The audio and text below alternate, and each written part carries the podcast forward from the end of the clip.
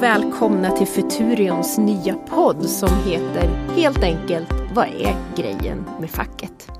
Jag sitter här och jag är då Ann-Therese Enarsson och VD på Futurion dagligdags. Jag sitter här tillsammans med Anna Danielsson Öberg som är arbetsmarknadsreporter sedan typ 30 år tillbaka. Inte sant Anna? Ja, ungefär. Ja. Lite mer till, till och med. Ja, och du har tillryggalagt ungefär 20 år på Svenska Dagbladet inte minst. Inte ja. sant? Mm. Och du har gjort lite annat med, har jag hört. Sen dess, ja, sen så blev jag frilans har, då har jag mer kanske ägnat mig åt att skriva rapporter och böcker. En hel del böcker, tre stycken om lönebildning, en om hur facken har utvecklats i Europa. Alltså mm. man har ju tappat medlemmar. Och en hel del annat. Ja, så jag känner mig trygg med dig som, som sidekick här i studion faktiskt. För är det någon som kan arbetsmarknaden så är det du. Och jag är jättetacksam att vi gör det här tillsammans. Ja, det är kul att vara här. Väldigt roligt. Idag har vi en gäst med oss som ingen mindre än Futurions egna forskningsledare Carl Melin. Roligt att vara här. Nu är du här igen. Jajamän. Jag har gästat i andra poddar tidigare tillfällen. Ja. Det var därför jag sa så. Eh, Carl, eh, du har också en lång utbild, eh, liksom, bakgrund ska jag säga. Du, ja men du har rätt lång utbildning också va? Ja, ja. absolut. har du... Jag har doktorerat i statskunskap. Mm. Men det var några år sedan. Ja. Men, eh, och sen dess har du, du har jobbat på Futurion men också med opinionsbildningsfrågor och opinionsanalys, inte sant? Ja, omvärldsbevakning mm. lite av varje. Mm.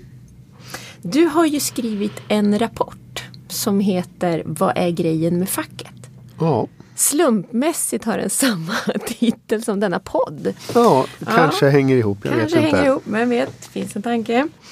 Eh, och det är väl det Anna och jag skulle vilja djupa lite grann i idag helt enkelt. Vad kom du fram till? Och då ska jag säga att den här rapporten är framtagen som en del av Unionens demokratiutvecklingsprojekt.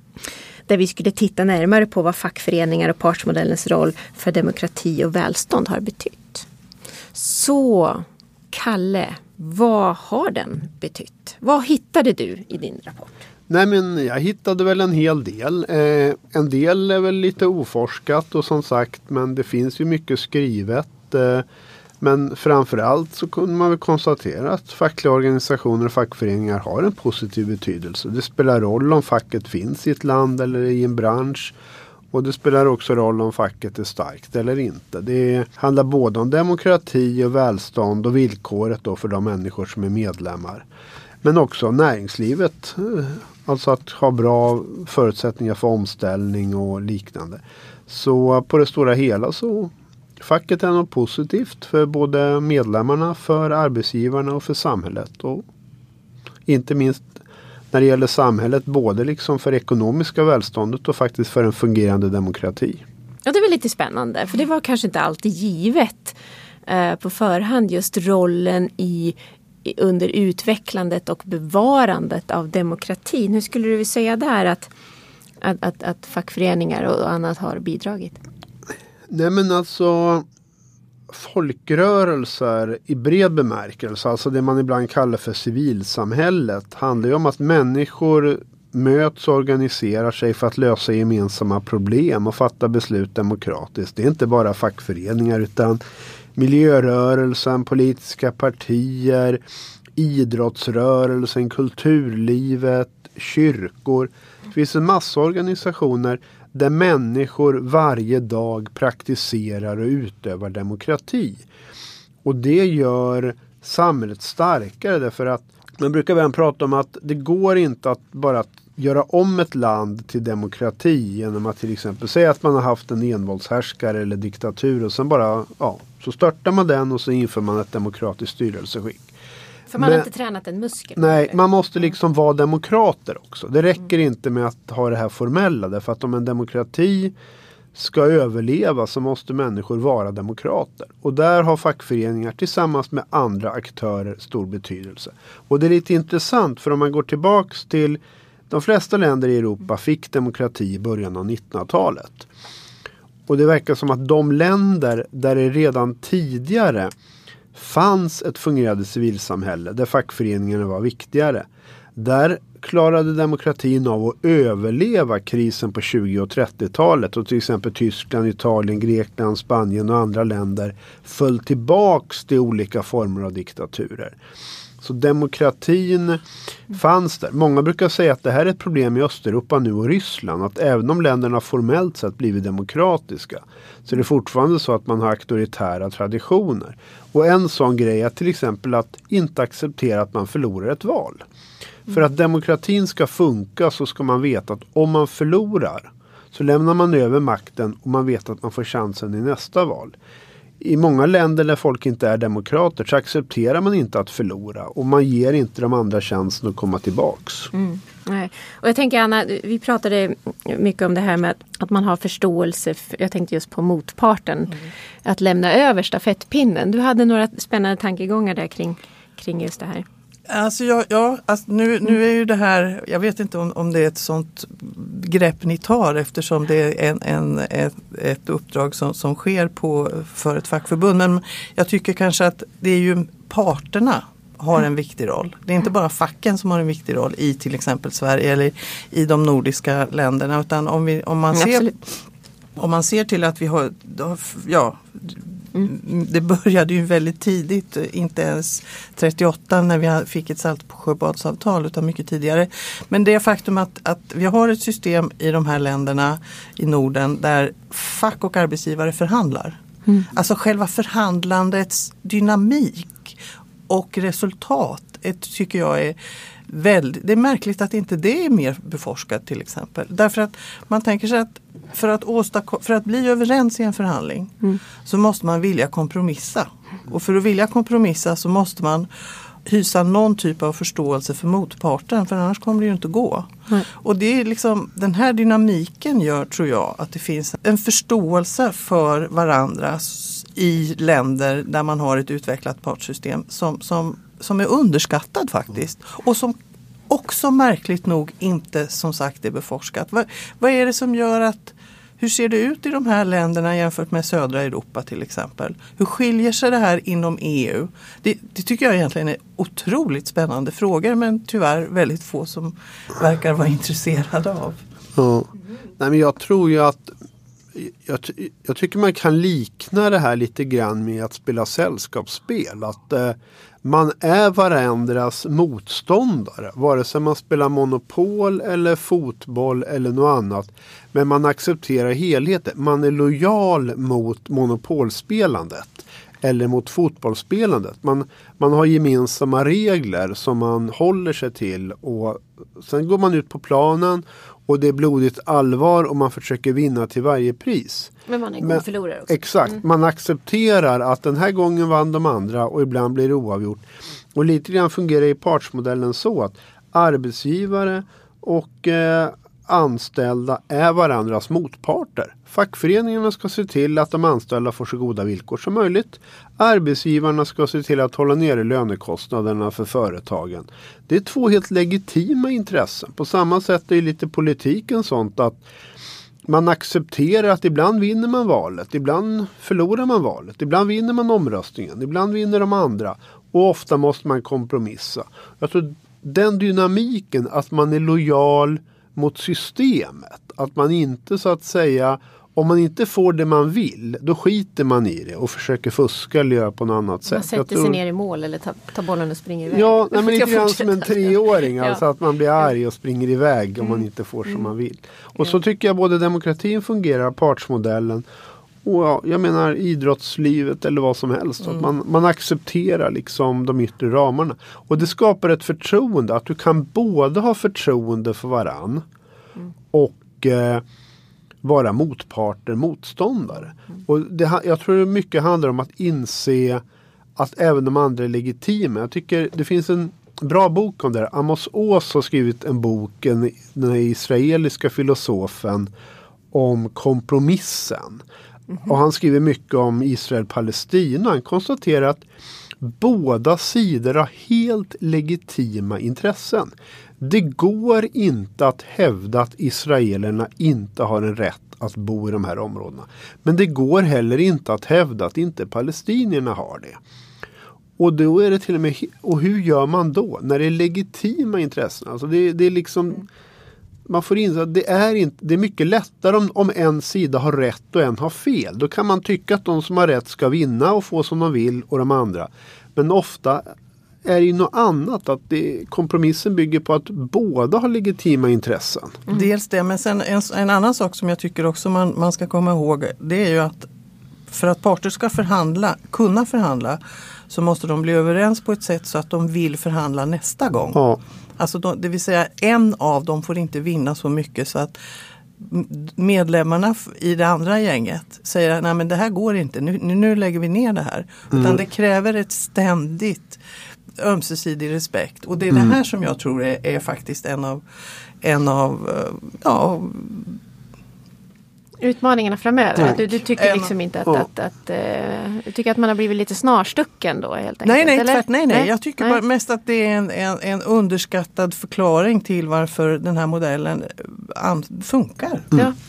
Och varför den är så speciell jämfört med länder där man, mm. där man inte har den. Nej, den ömsesidiga tilltron och respekten ja, som har byggt hela och därför tyvärr så kan man väl säga att ja, frågan ni ställer är ju jättespännande. Mm. Vad är grejen med facket? Men facket kan liksom inte existera utan en motpart. Nej, nej, nej. nej. nej det är sant. Och det, det, där tror jag är jätteviktigt det som Anna tar upp. Det här med att det är upprepade spel. Alltså att eh, du kan lura eller blåsa eller tvinga motståndaren en gång. Men om man liksom överutnyttjar ett överläge. Eh, man har pratat om det där liksom skulle om, om man tänker politiken, skulle den ena sidan i praktiken göra det omöjligt för de andra genom att slå sönder de andra partiernas finansiering. Eller alltså man skulle kunna göra saker. Men man gör inte det för då tappar man liksom legitimiteten. Utan man, man måste veta att det är upprepade mm. spel. Det är fair play även ja, här. Mm. Och, och sen är, jag tror också att det är det som är bekymret och svårigheten för många företrädare i Norden mm. när man åker ut i Europa. För att det finns just det finns, inget, det finns inget regelverk. Det, det, det, är inte nedskrivet någonstans. Så här ska vi göra. Det här gör politikerna, det här gör parterna. Om, om någon inte gör det här eller om någonting går åt pipan eller någon överträder en gräns ja, ja, då ska vi göra så här. Och den här otydligheten tror jag gör folk som, som har inte så mycket kunskap om vårt system. Mm. De, de, blir liksom lite nervösa då för det är svårt att förstå den här, det som kan uppfattas som en otydlighet men för oss är rätt så självklart skulle jag säga. Mm. Och jag tror att det, det fanns en period där jag tror att eh, faktiskt att kanske fackföreningarna hade ett överläge i de här spelen. Om man tänker på 70, 80, en bit in på 90-talet. Att man, eller man i alla fall utnyttjade sin styrka. Vi hade ganska mycket arbetsmarknadskonflikter. Vi fick ganska höga lönehöjningar. Men det här blev ju en icke-fungerande lönebildning. Det blev inflation. Eh, Sverige tappade konkurrenskraft. Och det här var inte bra för de fackliga medlemmarna heller därför att svenska företag gick sämre, vi blev fattigare i landet och reallönerna ökade inte. Och det här gjorde också att arbetsgivarsidan blev mindre lojala mot det här systemet. Man lämnade liksom det man brukar kalla för korporatismen och liknande. Så jag tror att var industriavtalet som vi kanske inte ska prata så mycket om i det här men kanske i något kommande avsnitt mm. eh, om lönebildningen. Men alltså att vi, vi fick till plats en lönemodell som faktiskt innebär att vi har väldigt lite strejker i Sverige. Eh, det går ganska bra för svenska företag men också löntagarna i praktiken har fått en reallönehöjning varje år. Mm. Så vi har fått ett system där alla vinner eller hyfsat vinner i alla fall. Ja, jag vet inte, skulle ska, du, ska... ja men visst, ja. jag tycker vi faktiskt Jag tycker vi pratar om lönebildningen. Ja. Vi hoppar mm. rakt in i den för det skrev ju som sagt du, du Kalle också om i ja. rapporten. Och Anna du vill mm. Ja, alltså jag är ja. kanske i, i det du skriver så är väl inte jag, jag är nog kanske inte riktigt överens med dig där. Eller åtminstone inte om industriavtalets alla finesser. Ja och framförallt är det, finns det mycket ju diskussioner som bekant om industriavtalen. Absolut. Och det har funnits under lång, lång tid. Och Alltså visst, det har, vi, vi har sett lön, reallöneökningar i 20 år. Men en del eh, fack inom eh, LO men det finns också andra som, som har av och till sagt att vi tar ut för lite pengar. Alltså det, det, man lägger sig för lågt i, inom industrin och, och det gör att eh, vi får till och med, vi har ju haft riksbanksföreträdare som säger att vi måste ta ut mer för att eh, elda på inflationen lite, lite mera. Mm. Så att, alltså det finns en sån diskussion. En annan diskussion är eh, detta med att förflytta relationerna mellan kvinnor och män. Där ju många är otroligt frustrerade, inte minst kvinnodominerade förbund. Som tycker att det är för statiskt. Det går mm. inte att påverka. Mm. Och att systemet i sig är för, för, för, för statiskt. Det går inte så att säga. Vi, vi har den här industrins roll som, som en del upplever som skrivet i sten.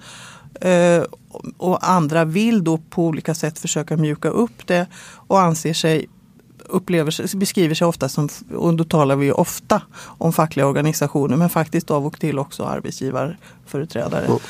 Så att, och, och en, en, annan sak är också att man, en, en del anser att ja men visst det är väl bra kanske om vi inte har så många konflikter men frågan är, vi kanske har för få. Ja om, om facket nu är en kamporganisation eller åtminstone har ett vapen. Mm. Då måste man liksom förverkliga det vapnet av och till. Man måste att, visa sin styrka lite ibland? Ja, för att visa mm. att man menar kanske allvar. Ja. Men går det att mobilisera idag? Tror du det? Ja, det vet, jag vet ja. inte. Det, det, jag tycker det vore otroligt spännande att se vilka vilka förbund som... Det, alltså det brukar ju vara de mansdominerade förbunden inom LO som, som, som eh, är, är, ute i konflikt. Men inte ens de är ute speciellt ofta nu för tiden. Mm. Jag vet inte om det går att få ut eh, folk idag på samma sätt som det gick för säg 20-30 år sedan. Mm.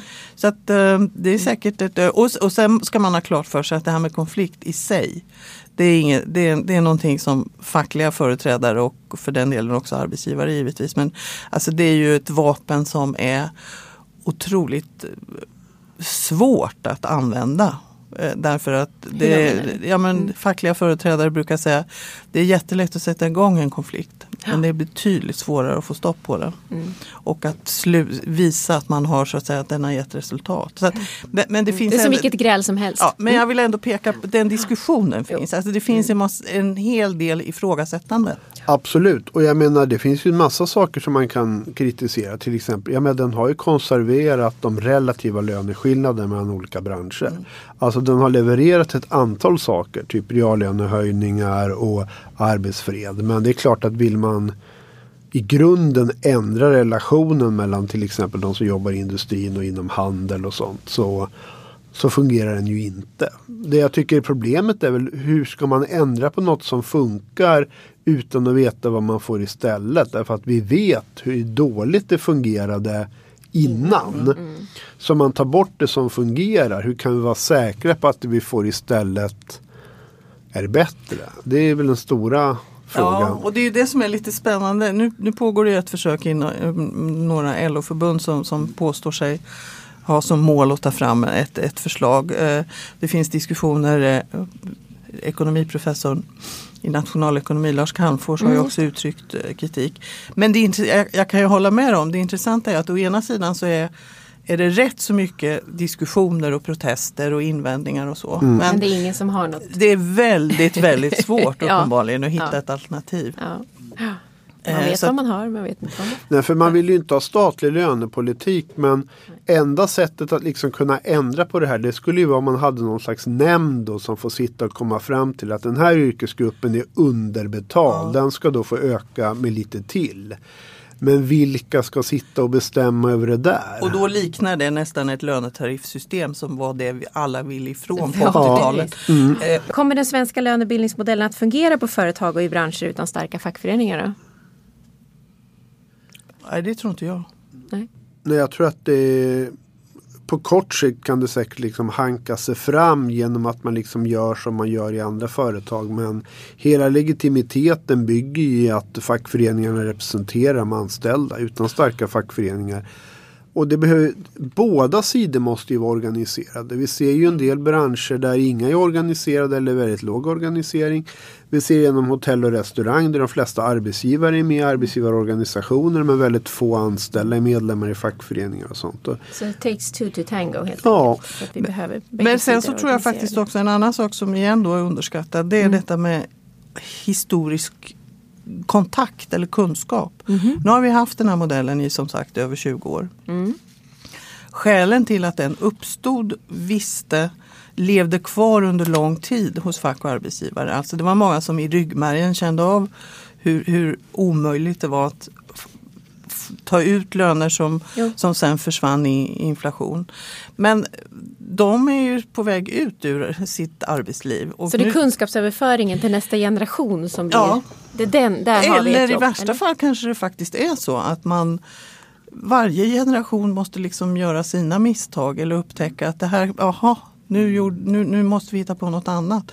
Det, det är inte säkert att det går att överföra kunskap. Alltså, man försöker ju hemma vid tänker jag. Mm. på sina barn överföra att gör inte om samma misstag som jag. Nej men det är väl ju- ofta det att man, De man hit, generationsskiftena brukar man prata om. Den första bygger upp, den andra Förvaltar. förvaltar och den tredje. Ja, Nej, för, så dystopiska ska vi inte behöva vara. Men, men man kan ju vara, ha med sig det ändå. Ja, nej men det är väl ofta så att vi, vi hittar på regler eller system för att det är något som inte fungerar. Och efter ett tag kommer vi bara ihåg de här reglerna men vi kommer inte ihåg varför Nej. vi har dem. Precis. Och det, ja, alltså, I en av de här böckerna som, som jag och Tommy Öberg skriver så konstaterar vi just det att det, ja, det kanske är så. Varje generation har sin måste bli missnöjd på sitt eget sätt och det, det är först då som, som någonting händer. Och, och vad det, när och hur och om det sker det, det är ju svårt att säga. Nu är det snart avtalsrörelse 2020. Mm, Jag tror inte det händer då. Nej, men det tyckte jag var väldigt klokt eh, sagt. Mm. Fast man vill ju vara där och hjälpa till. Det är ju bara så. Ja, det, Men, men det är ju det är som du säger, var, ja, var tid sitt. Mm. Ja, och sen ta, alltså ta, det är ju bara att tänka själv om man tänker sig om man är inte vet jag, 30 år. Det är väl omöjligt att tänka sig att på 80-talet hade vi dels ett helt annat förhandlingssystem där LO, TS, alltså PTK och eh, en, den arbetsgivarorganisation som hette något annat då förhandlade själva i stängda rum. De gick in, kom ut skrunk, skrynkliga och, och, och såg väldigt trötta ut efter några dygn och hade gjort upp om någonting som gällde på hela arbetsmarknaden. Som sen i sin tur ledde till jättehöga löneavtal som sen inte gav några löneökningar. Alltså hur ska man förklara det för en 30-åring? Nej. Nej. Ett annat område som vi tar upp i rapporten som är viktig, bara, inte bara nu utan också framöver i det nya arbetslivet som tonar upp. Så ser vi eh, vikten av omställning och fungerande system där. Vad, vilka insikter drog du i rapporten, Kalle? Jag tror att fackföreningar och partsmodellen har en ganska stor betydelse. Det vi kan konstatera är ju att de förändringar vi ser, inte minst teknikutveckling och sånt, gör att vi behöver i hela vårt yrkesliv rusta oss med nya kunskaper och utveckla vår kompetens. Eh, de som inte får det här kommer inte att klara sig. Och tyvärr är det ju så att det här kräver liksom lösningar på företags och bransch och individnivå. Därför är staten en ganska dålig organisatör av detta. Samtidigt kan det inte riktigt heller ligga på individen därför att de som kanske har mest behov av kompetensutveckling har kanske sällan vare sig ekonomi eller något att liksom ta ledigt och studera utan istället behöver vi få in det här i arbetslivet på ett eller annat sätt. Och, och jag får bara för att sticka in där så har ju OECD också just faktiskt eh, i, i en relativt ny rapport konstaterat just det. Att de som behöver det mest får det minst. Ja, och där- därför tror jag att det, parterna har ett ansvar. Jag tror ju att fackföreningarna framöver kommer behöva jobba ännu hårdare med att driva rätten till kompetensutveckling. Och det här är tufft därför att det räcker inte att rätten finns där. Därför att eh, jag tror många känner som jag liksom eller så här att man har så mycket att göra på jobbet så man kan inte kompetensutveckla sig för då får man får ändå, måste ändå göra allt det där andra. Så det handlar om att liksom i grunden förändra hur vi ser på arbete och lärande. Eh, däremot så tror jag att fackföreningar kan se till att jobba för detta. Men i, Omställning handlar dock inte bara om kunskap. Det handlar ju också om a-kassa och ekonomisk trygghet och sånt. Och det vi kan se är att i länder där det finns fungerande omställningssystem och starka fackföreningar som försvarar dessa så fungerar också omställningen bättre. Det, kom en, det var en artikel här för något år sedan i New York Times som handlade om att robotarna kommer och i Sverige klarar sig bra. Are coming and Sweden is fine. Ja, därför att vi har omställningssystem, till exempel genom omställningsavtalen. Vi har TRR, TSL, olika typer av mm som gör att om du blir av med jobbet så finns det bra verktyg för att så att säga komma tillbaka. jag tror att det är bra system men de behöver utvecklas och jag tror dessutom att det behöver sättas in åtgärder redan innan man blir arbetslös. Men det vi kan se är om vi jämför då med länder som saknar den där typen av system. Där blir ju priset för arbetslöshet är väldigt annorlunda, är eh, väldigt mycket högre. Eh, jag får ibland frågan om ja, jag är lite allmänt nördig om amerikansk politik. Men jag brukar få frågan varför amerikanska fackföreningar är emot frihandel, ibland även miljökrav och liknande. Mm. Jo, det är därför att om deras jobb försvinner så är det deras medlemmar som får betala det här priset. Det finns ingen a-kassa, det finns ingen fungerande omställning. Det finns ingenting som garanterar deras trygghet. Ofta är det så att sjukförsäkring och pension dessutom är kopplad till anställningen. Mm. Så om du blir arbetslös så liksom faller hela tillvaron. Du har inte sjukvård, du har inte pension och så vidare. Så det är klart att amerikanska fackföreningar som är mycket svagare, de kämpar med näbbar och klor för att rädda de få jobb som finns. I Sverige har vi ett system där facken till och med har drivit på strukturomvandlingen. Sett positivt på att gamla lågproduktiva jobb slås ut och vi istället ser liksom framväxten av nya mer produktiva. Men det bygger ju på att det inte är löntagarna som själva får betala det höga priset av omställning. Mm. Här Anna, händer det en del också på området bara här i dagarna. Ja, och alltså nu, jag, ska, jag låter jättegnällig nu men jag är inte helt överens med dig i, i den här frågan heller. Tyck. Mm. Därför att om man Vad ser, bra. det låter man, som att vi gjort upp det på förhand. Nej men om man ser på till exempel a-kassan så var ju den under rätt så lång tid ansågs vara ja, man, merparten av de, de som omfattades fick 80% av sin, mm. sin lön så är det ju inte, absolut inte längre utan, utan nu är det otroligt få. Det, eh, siffror hävdar att det är tre av tio som får den ersättningen. Mm. Och både socialdemokratiska och borgerliga regeringar har faktiskt sedan mellan 2002 och 2015 avstått eller vad man nu ska säga. Alltså de, har, de har inte höjt ersättningen och det gör, gör ju att den urholkas givetvis. Eh, och, och det har i sin tur lett till att de fackliga organisationerna istället erbjuder um, inkomstförsäkringar. Det gäller många TCO och SACO-förbund men numera faktiskt också rätt så många LO-förbund och senast i raden är IF Metall som har bestämt sig för detta. Och det anses lite anmärkningsvärt för de har tidigare gjort en ideologisk poäng av att nej, detta ska vi inte göra för att då kan politikerna smita utan vi ska så att säga trycka på politiskt istället att upprätthålla mm. de här nivåerna. Men ju, ju, ju, mer sånt här som politikerna inte gör desto sämre skydd erbjuder ju samhället. Och, och frågan är då hur, hur ska ja, vem ska göra vad när det gäller omställning? Och det är en otroligt komplicerad fråga faktiskt i Sverige nu för mm. tiden. Just för att vi har, vi har a-kassa, vi har inkomstförsäkringar, vi har omställningsavtal. Och i allt detta ska vi nu försöka få till någonting som heter kompetenssatsningar. Det, lite, det finns hur mm. många olika begrepp som helst. Alltså det, det, här systemet är på väg att bli rätt så svårgenomträngligt. Och jag tror att det är en underskattad förklaring till att trots att alla är för kompetensutveckling, jag, har aldrig hört någon som säger nej. Kompetens, nej precis. Alla vill. Mm. Men det går, vi, vi, får liksom inte till något. Nej. Och jag tror faktiskt att som sagt att en, en förklaring till det är komplexiteten i systemen. Mm. När man börjar rota i en ände så upptäcker man att jaha, men hur gör vi då där? Alltså det vill säga ja, jag vet inte, man kanske måste börja om eller hitta något helt annat. Eller åtminstone ta tag i flera bitar samtidigt för att få, få till en omfattande kompetensutvecklingssatsning. Mm. eller omställningssatsning som ju fler och fler säger nu. Mm. Plocka isär för att bygga ihop igen.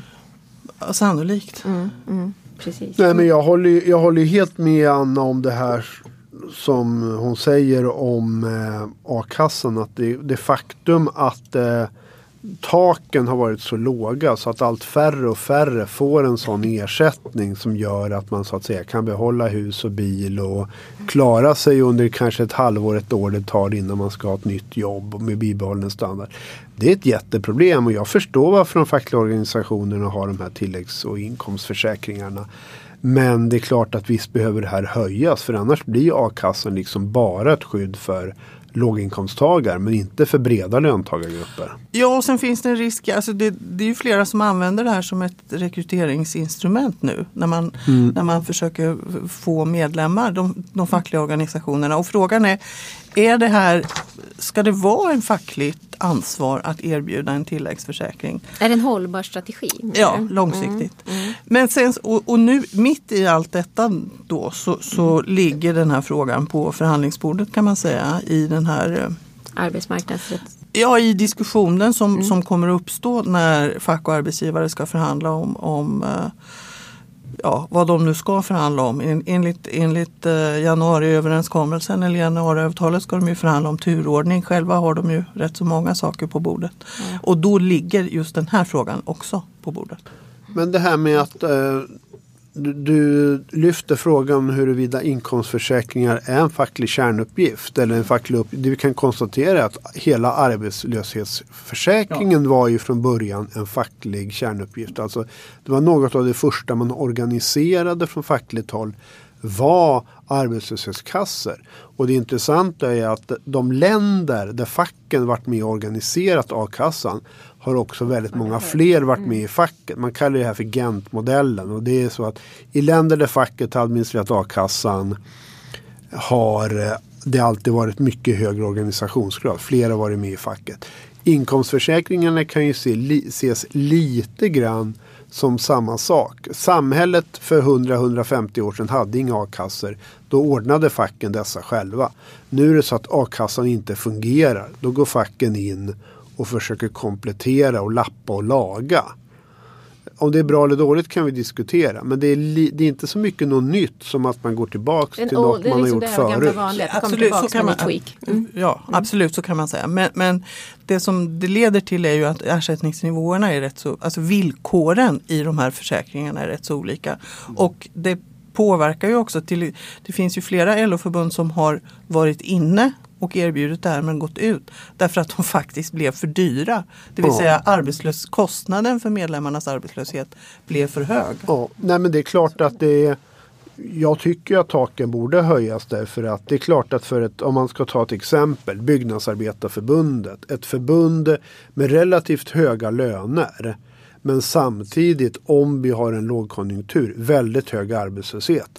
Det är klart att avgifterna till de inkomstförsäkringarna för att det ska gå runt blir dramatiskt mycket högre än om du till exempel är läkare eller sjuksköterska. Om man tar ett yrke med hög lön men låg risk att bli arbetslös. Och det är klart att det innebär att om du jobbar i en bransch med hög arbetslöshet, ja då, då blir det dyrare att ha en fungerande försäkring. Och så fungerar ju försäkringar så det är inte konstigt. Men frågan är, vill vi ha det? Det, fan, det finns ju skäl till att staten tog över finansieringen av arbetslöshetsförsäkringen. Just för att utjämna mellan olika befolkningsgrupper. Ja, och igen så tycker jag det vore intressant att veta eh, alltså hur, hur medvetna är allmänhet, medlemmar om hur de här systemen ser ut? Inte alls skulle jag vilja säga. Nej, och, och det i sig är en slags Alltså man behöver ju förstå system för att ha en åsikt om dem. Ja, men också för att kunna innovera dem Ja. eller liksom förbättra dem. Ja. Ja, men det där vet jag. jag hade, jobbade en gång i tiden med ett studie om hur tjänstepension fungerade. Där vi hade fokusgrupper med folk. Och folk får nästan bara ångest. Det är så krångligt och många förkortningar. Och, folk, och det där gör. Ja, ingen förstår och det, de flesta tror att det finns inga pengar när jag blir gammal. I någon slags allmän oro. Vilket väl inte riktigt är sant. Utan Men det är klart att oron finns Men det- där ja, och det är det- det- ogenomträngligt. Ja, och det, det är förstås inte bra. Så kan vi ju, vi måste ju förstå Nej. systemen. Och vi vill ju inte ha sådana, vi vill inte bygga upp nya system som blir omöjliga att förstå. Nej, vi måste förenkla lite grann där hur vi berättar om dem och för vidare kunskap. Men jag, jag skulle ändå vilja hoppa in på det som vi har eh, touchat nu ett tag och det är det här med hur vi attraherar och upprätthåller en hög organisationsgrad. Hur attraherar vi eh, medlemmarna eh, i, i fackförbundet till exempel då? Mm. Alltså, jag tror att eh, man måste inse att det finns så, många så väldigt många olika skäl till att vara med i facket. Eh, dels finns det liksom yrkesidentitet. Det där är väldigt tydligt i vissa fackförbund som till exempel journalistförbund, lärarförbund, polisförbund. Att det liksom nästan är kårförbund. Eh, där, där är det ett sätt att liksom nästan bekräfta sin, sin yrkesidentitet eller sin utbildning. Men många är ju liksom med av någon slags man bara ska. Det är ju det traditionella på många större LO-arbetsplatser. Inte mindre arbetsplatser som kanske är handel och hotell och restaurang. Men historiskt jobbar du i äldreomsorgen eller på en fabrik eller något. Då är det liksom man förväntas vara med och historiskt var det till och med ett socialt tryck och det fanns ju till och med exempel på folk som har blivit utfrusna vid fikabordet för att man inte liksom har varit med. Där är vi ju i, idag inte på samma sätt. Men idag går ju många med på grund av rådgivning, försäkringar, liknande, service. service. Inkomsträtt. Fast jag skulle också säga att en underskattad effekt eh, eller förklaring till varför folk inte är med eller ja, avstår snarare. Det är ju hur det ser ut med anställningsskydd och annat. Alltså om, om man inte har någon, om man har en väldigt lös anknytning till arbetsmarknaden som man till exempel har inom handel, och hotell och restaurang. eh, Och kanske inte vet om ett halvår, ska jag jobba här eller ska jag jobba där eller ska jag jobba i det, den branschen. Ja då, då blir det liksom inte naturligt att gå in Nej. i ett medlemskap. Och också att man upplever att man, lönen är så låg Ja. så att det, alltså det, blir, det upplevs som för dyrt. Så att det, det kan finnas strukturella förklaringar till varför till exempel en del LO-förbund har så mycket, alltså tappar medlemmar.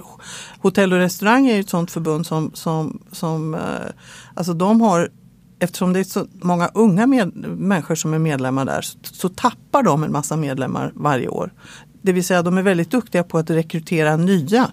Men sen försvinner de i en annan ände. Så att, och, och det hur, ska, hur ska man då behålla dem? Ja det är inte säkert att det går därför att de går liksom vidare någon Det är annanstans. ett genomgångsyrke ibland också. för Ja. unga. Ja. Mm.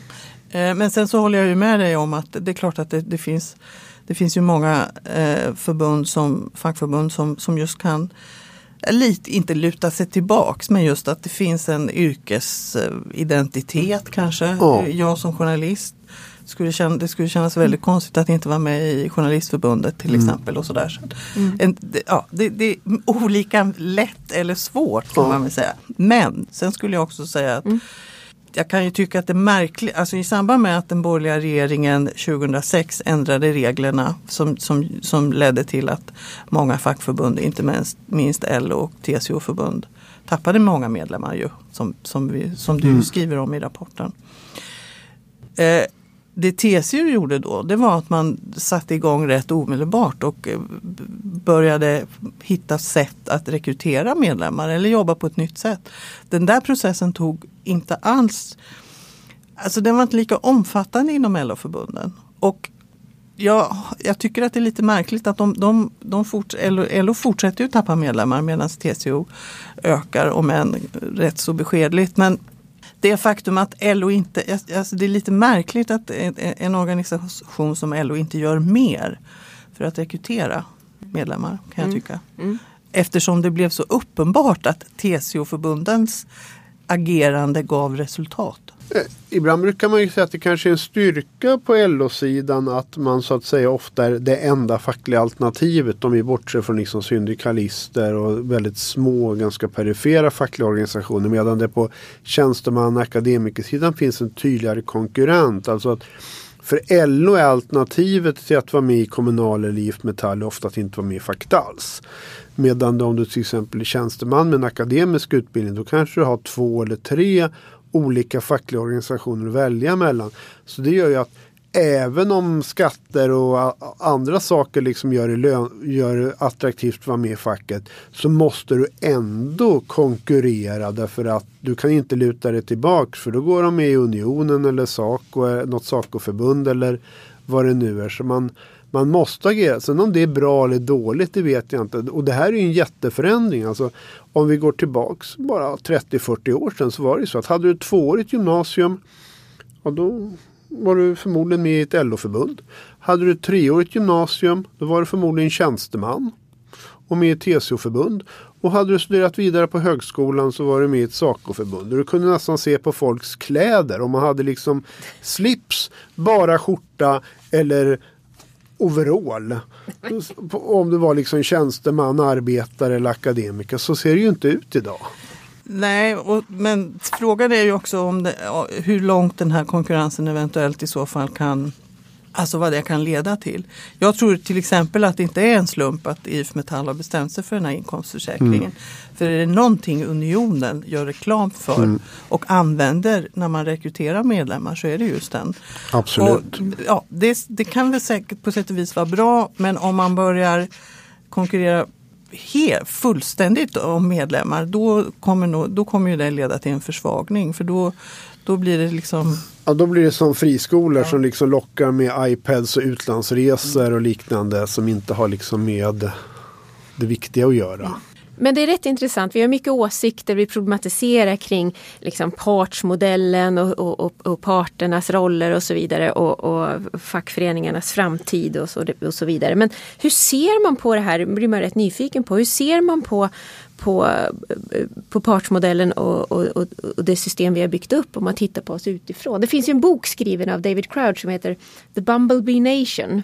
Ja, uh, and uh, the hidden story of the Swedish uh, model. Va? Ja, mm. the hidden story, vad är det? Ja, jag vet inte. Men uttrycket kommer lite grann det här från humlan som kan fly, flyga. Mm. Göran Persson, tidigare statsminister, brukar ibland prata om att många proffstyckare och experter menar att den svenska modellen med stor välfärd och liknande och höga skatter fungerade inte.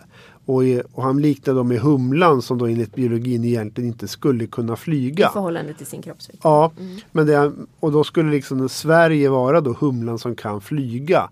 Alltså då, enligt de nationalekonomiska teorierna borde det inte funka. Men i praktiken så gör det ju det. Vi, historiskt sett så är många ekonomer sett negativt på fackföreningar. Därför att fackföreningen håller uppe lönerna och då blir lönerna för höga och då blir det arbetslöshet. I verkligheten så finns det ingenting som tyder på detta. Tvärtom så är det ofta så att du har bättre fungerande arbetsmarknader i länder med starka fackföreningar. Mm. Så det David Crouch skriver i sin bok där han intervjuar ett stort antal både företagsledare som Jacob Wallenberg till fackliga företrädare är att man i grunden ser den här modellen som något positivt. Och även sådana här institutioner som tidigare varit negativa som till exempel OECD, Världsbanken och liknande börjar nu lyfta fram den här nordiska arbetsmarknadsmodellen som något positivt. Mm. Inte minst utifrån det här vi prat tidigare pratade om med omställning och sånt. Mm. Att det faktiskt omställningen fungerar lättare i länder mm. där parterna har en roll. Mm. Om man jämför vår modell med till exempel länder där parterna är mycket svagare. Då måste staten gå in och ha minimilöner och liknande och då blir det inte lika smidigt och flexibelt. Är vi för problemorienterade Anna? Glömmer vi av att faktiskt berätta att det funkar det här? Ja, alltså vi är, vi är, jag tror vi är som land problemorienterade men jag tycker det är för att vi hela tiden vill bli bättre men jag och tycker, ja, men jag tycker mm. att vi glömmer bort det. Och alltså, på 50 och 60-talet var ju fack och arbetsgivare åkte bokstavligt talat världen runt i princip och, och vi berättade om vår svenska modell. Och många ville veta och var fascinerade. Mm. Och ansåg att det var någonting att ta efter. Men ja, sen vet jag inte, så var det 70-80-tal och det funkar inte så bra och sen så fick vi då det här industriavtalet som vi har pratat om tidigare. Och det funkar ju. Mm. År ut och år in. Vi har låg, trots allt, få strejker. Vi har en reallöneökning. Vi löser en massa svåra problem faktiskt. Ja, mm. förhandlingsvägen. Ja, men det, alltså jag tycker faktiskt att parterna borde skryta mer. De skryta? Borde, och vara stolta och berätta värde. Alltså det, man, man, kan ju räkna, TCO har gjort det, det är många andra som har gjort det, som har satt värden på ett, vad är ett kollektivavtal värt? Vad får du som medlem? Mm. Och det där går säkert att räkna lite hur som helst på. Men varför, varför gör inte parterna det? Varför visar de inte? Titta, här, det är tack vare oss som ni får en tjänstepension. Mm. Om ni inte är med i det här gänget, då får ni ingen tjänstepension. Då måste ni spara själva. Det är väl ett jättebra försäljningsargument. Men det är som att de... Inte. man, man tar det lite för givet kanske. Ja. Vi glömmer av att fira framgångarna, fira det som funkar och framförallt lyfta fram det som är bra. Sys- Systemet är kanske så institutionaliserat så att det, det upplevs som självklart. Jag vet inte. Och man, man är ganska bra på att försvara sig och argumentera mot hot. Men man är ganska dålig på att berätta om sina egna styrkor. Vi är lite för blygsamma vi svenskar. Ja, så skryt mera. Det låter som en härlig avslutning faktiskt på, på det första premiäravsnittet av podden. Där vi nu har gjort vissa nedslag på de kapitlen som rapporten Vad är grejen med facket med samma namn som podden eh, har. Så att vi kommer i följande program att djupa oss i vart och ett av områdena. Men det här var en överflygning som små humlor över, över den svenska framgångsrika partsmodellen och dess utmaningar. Tack så mycket ska ni ha.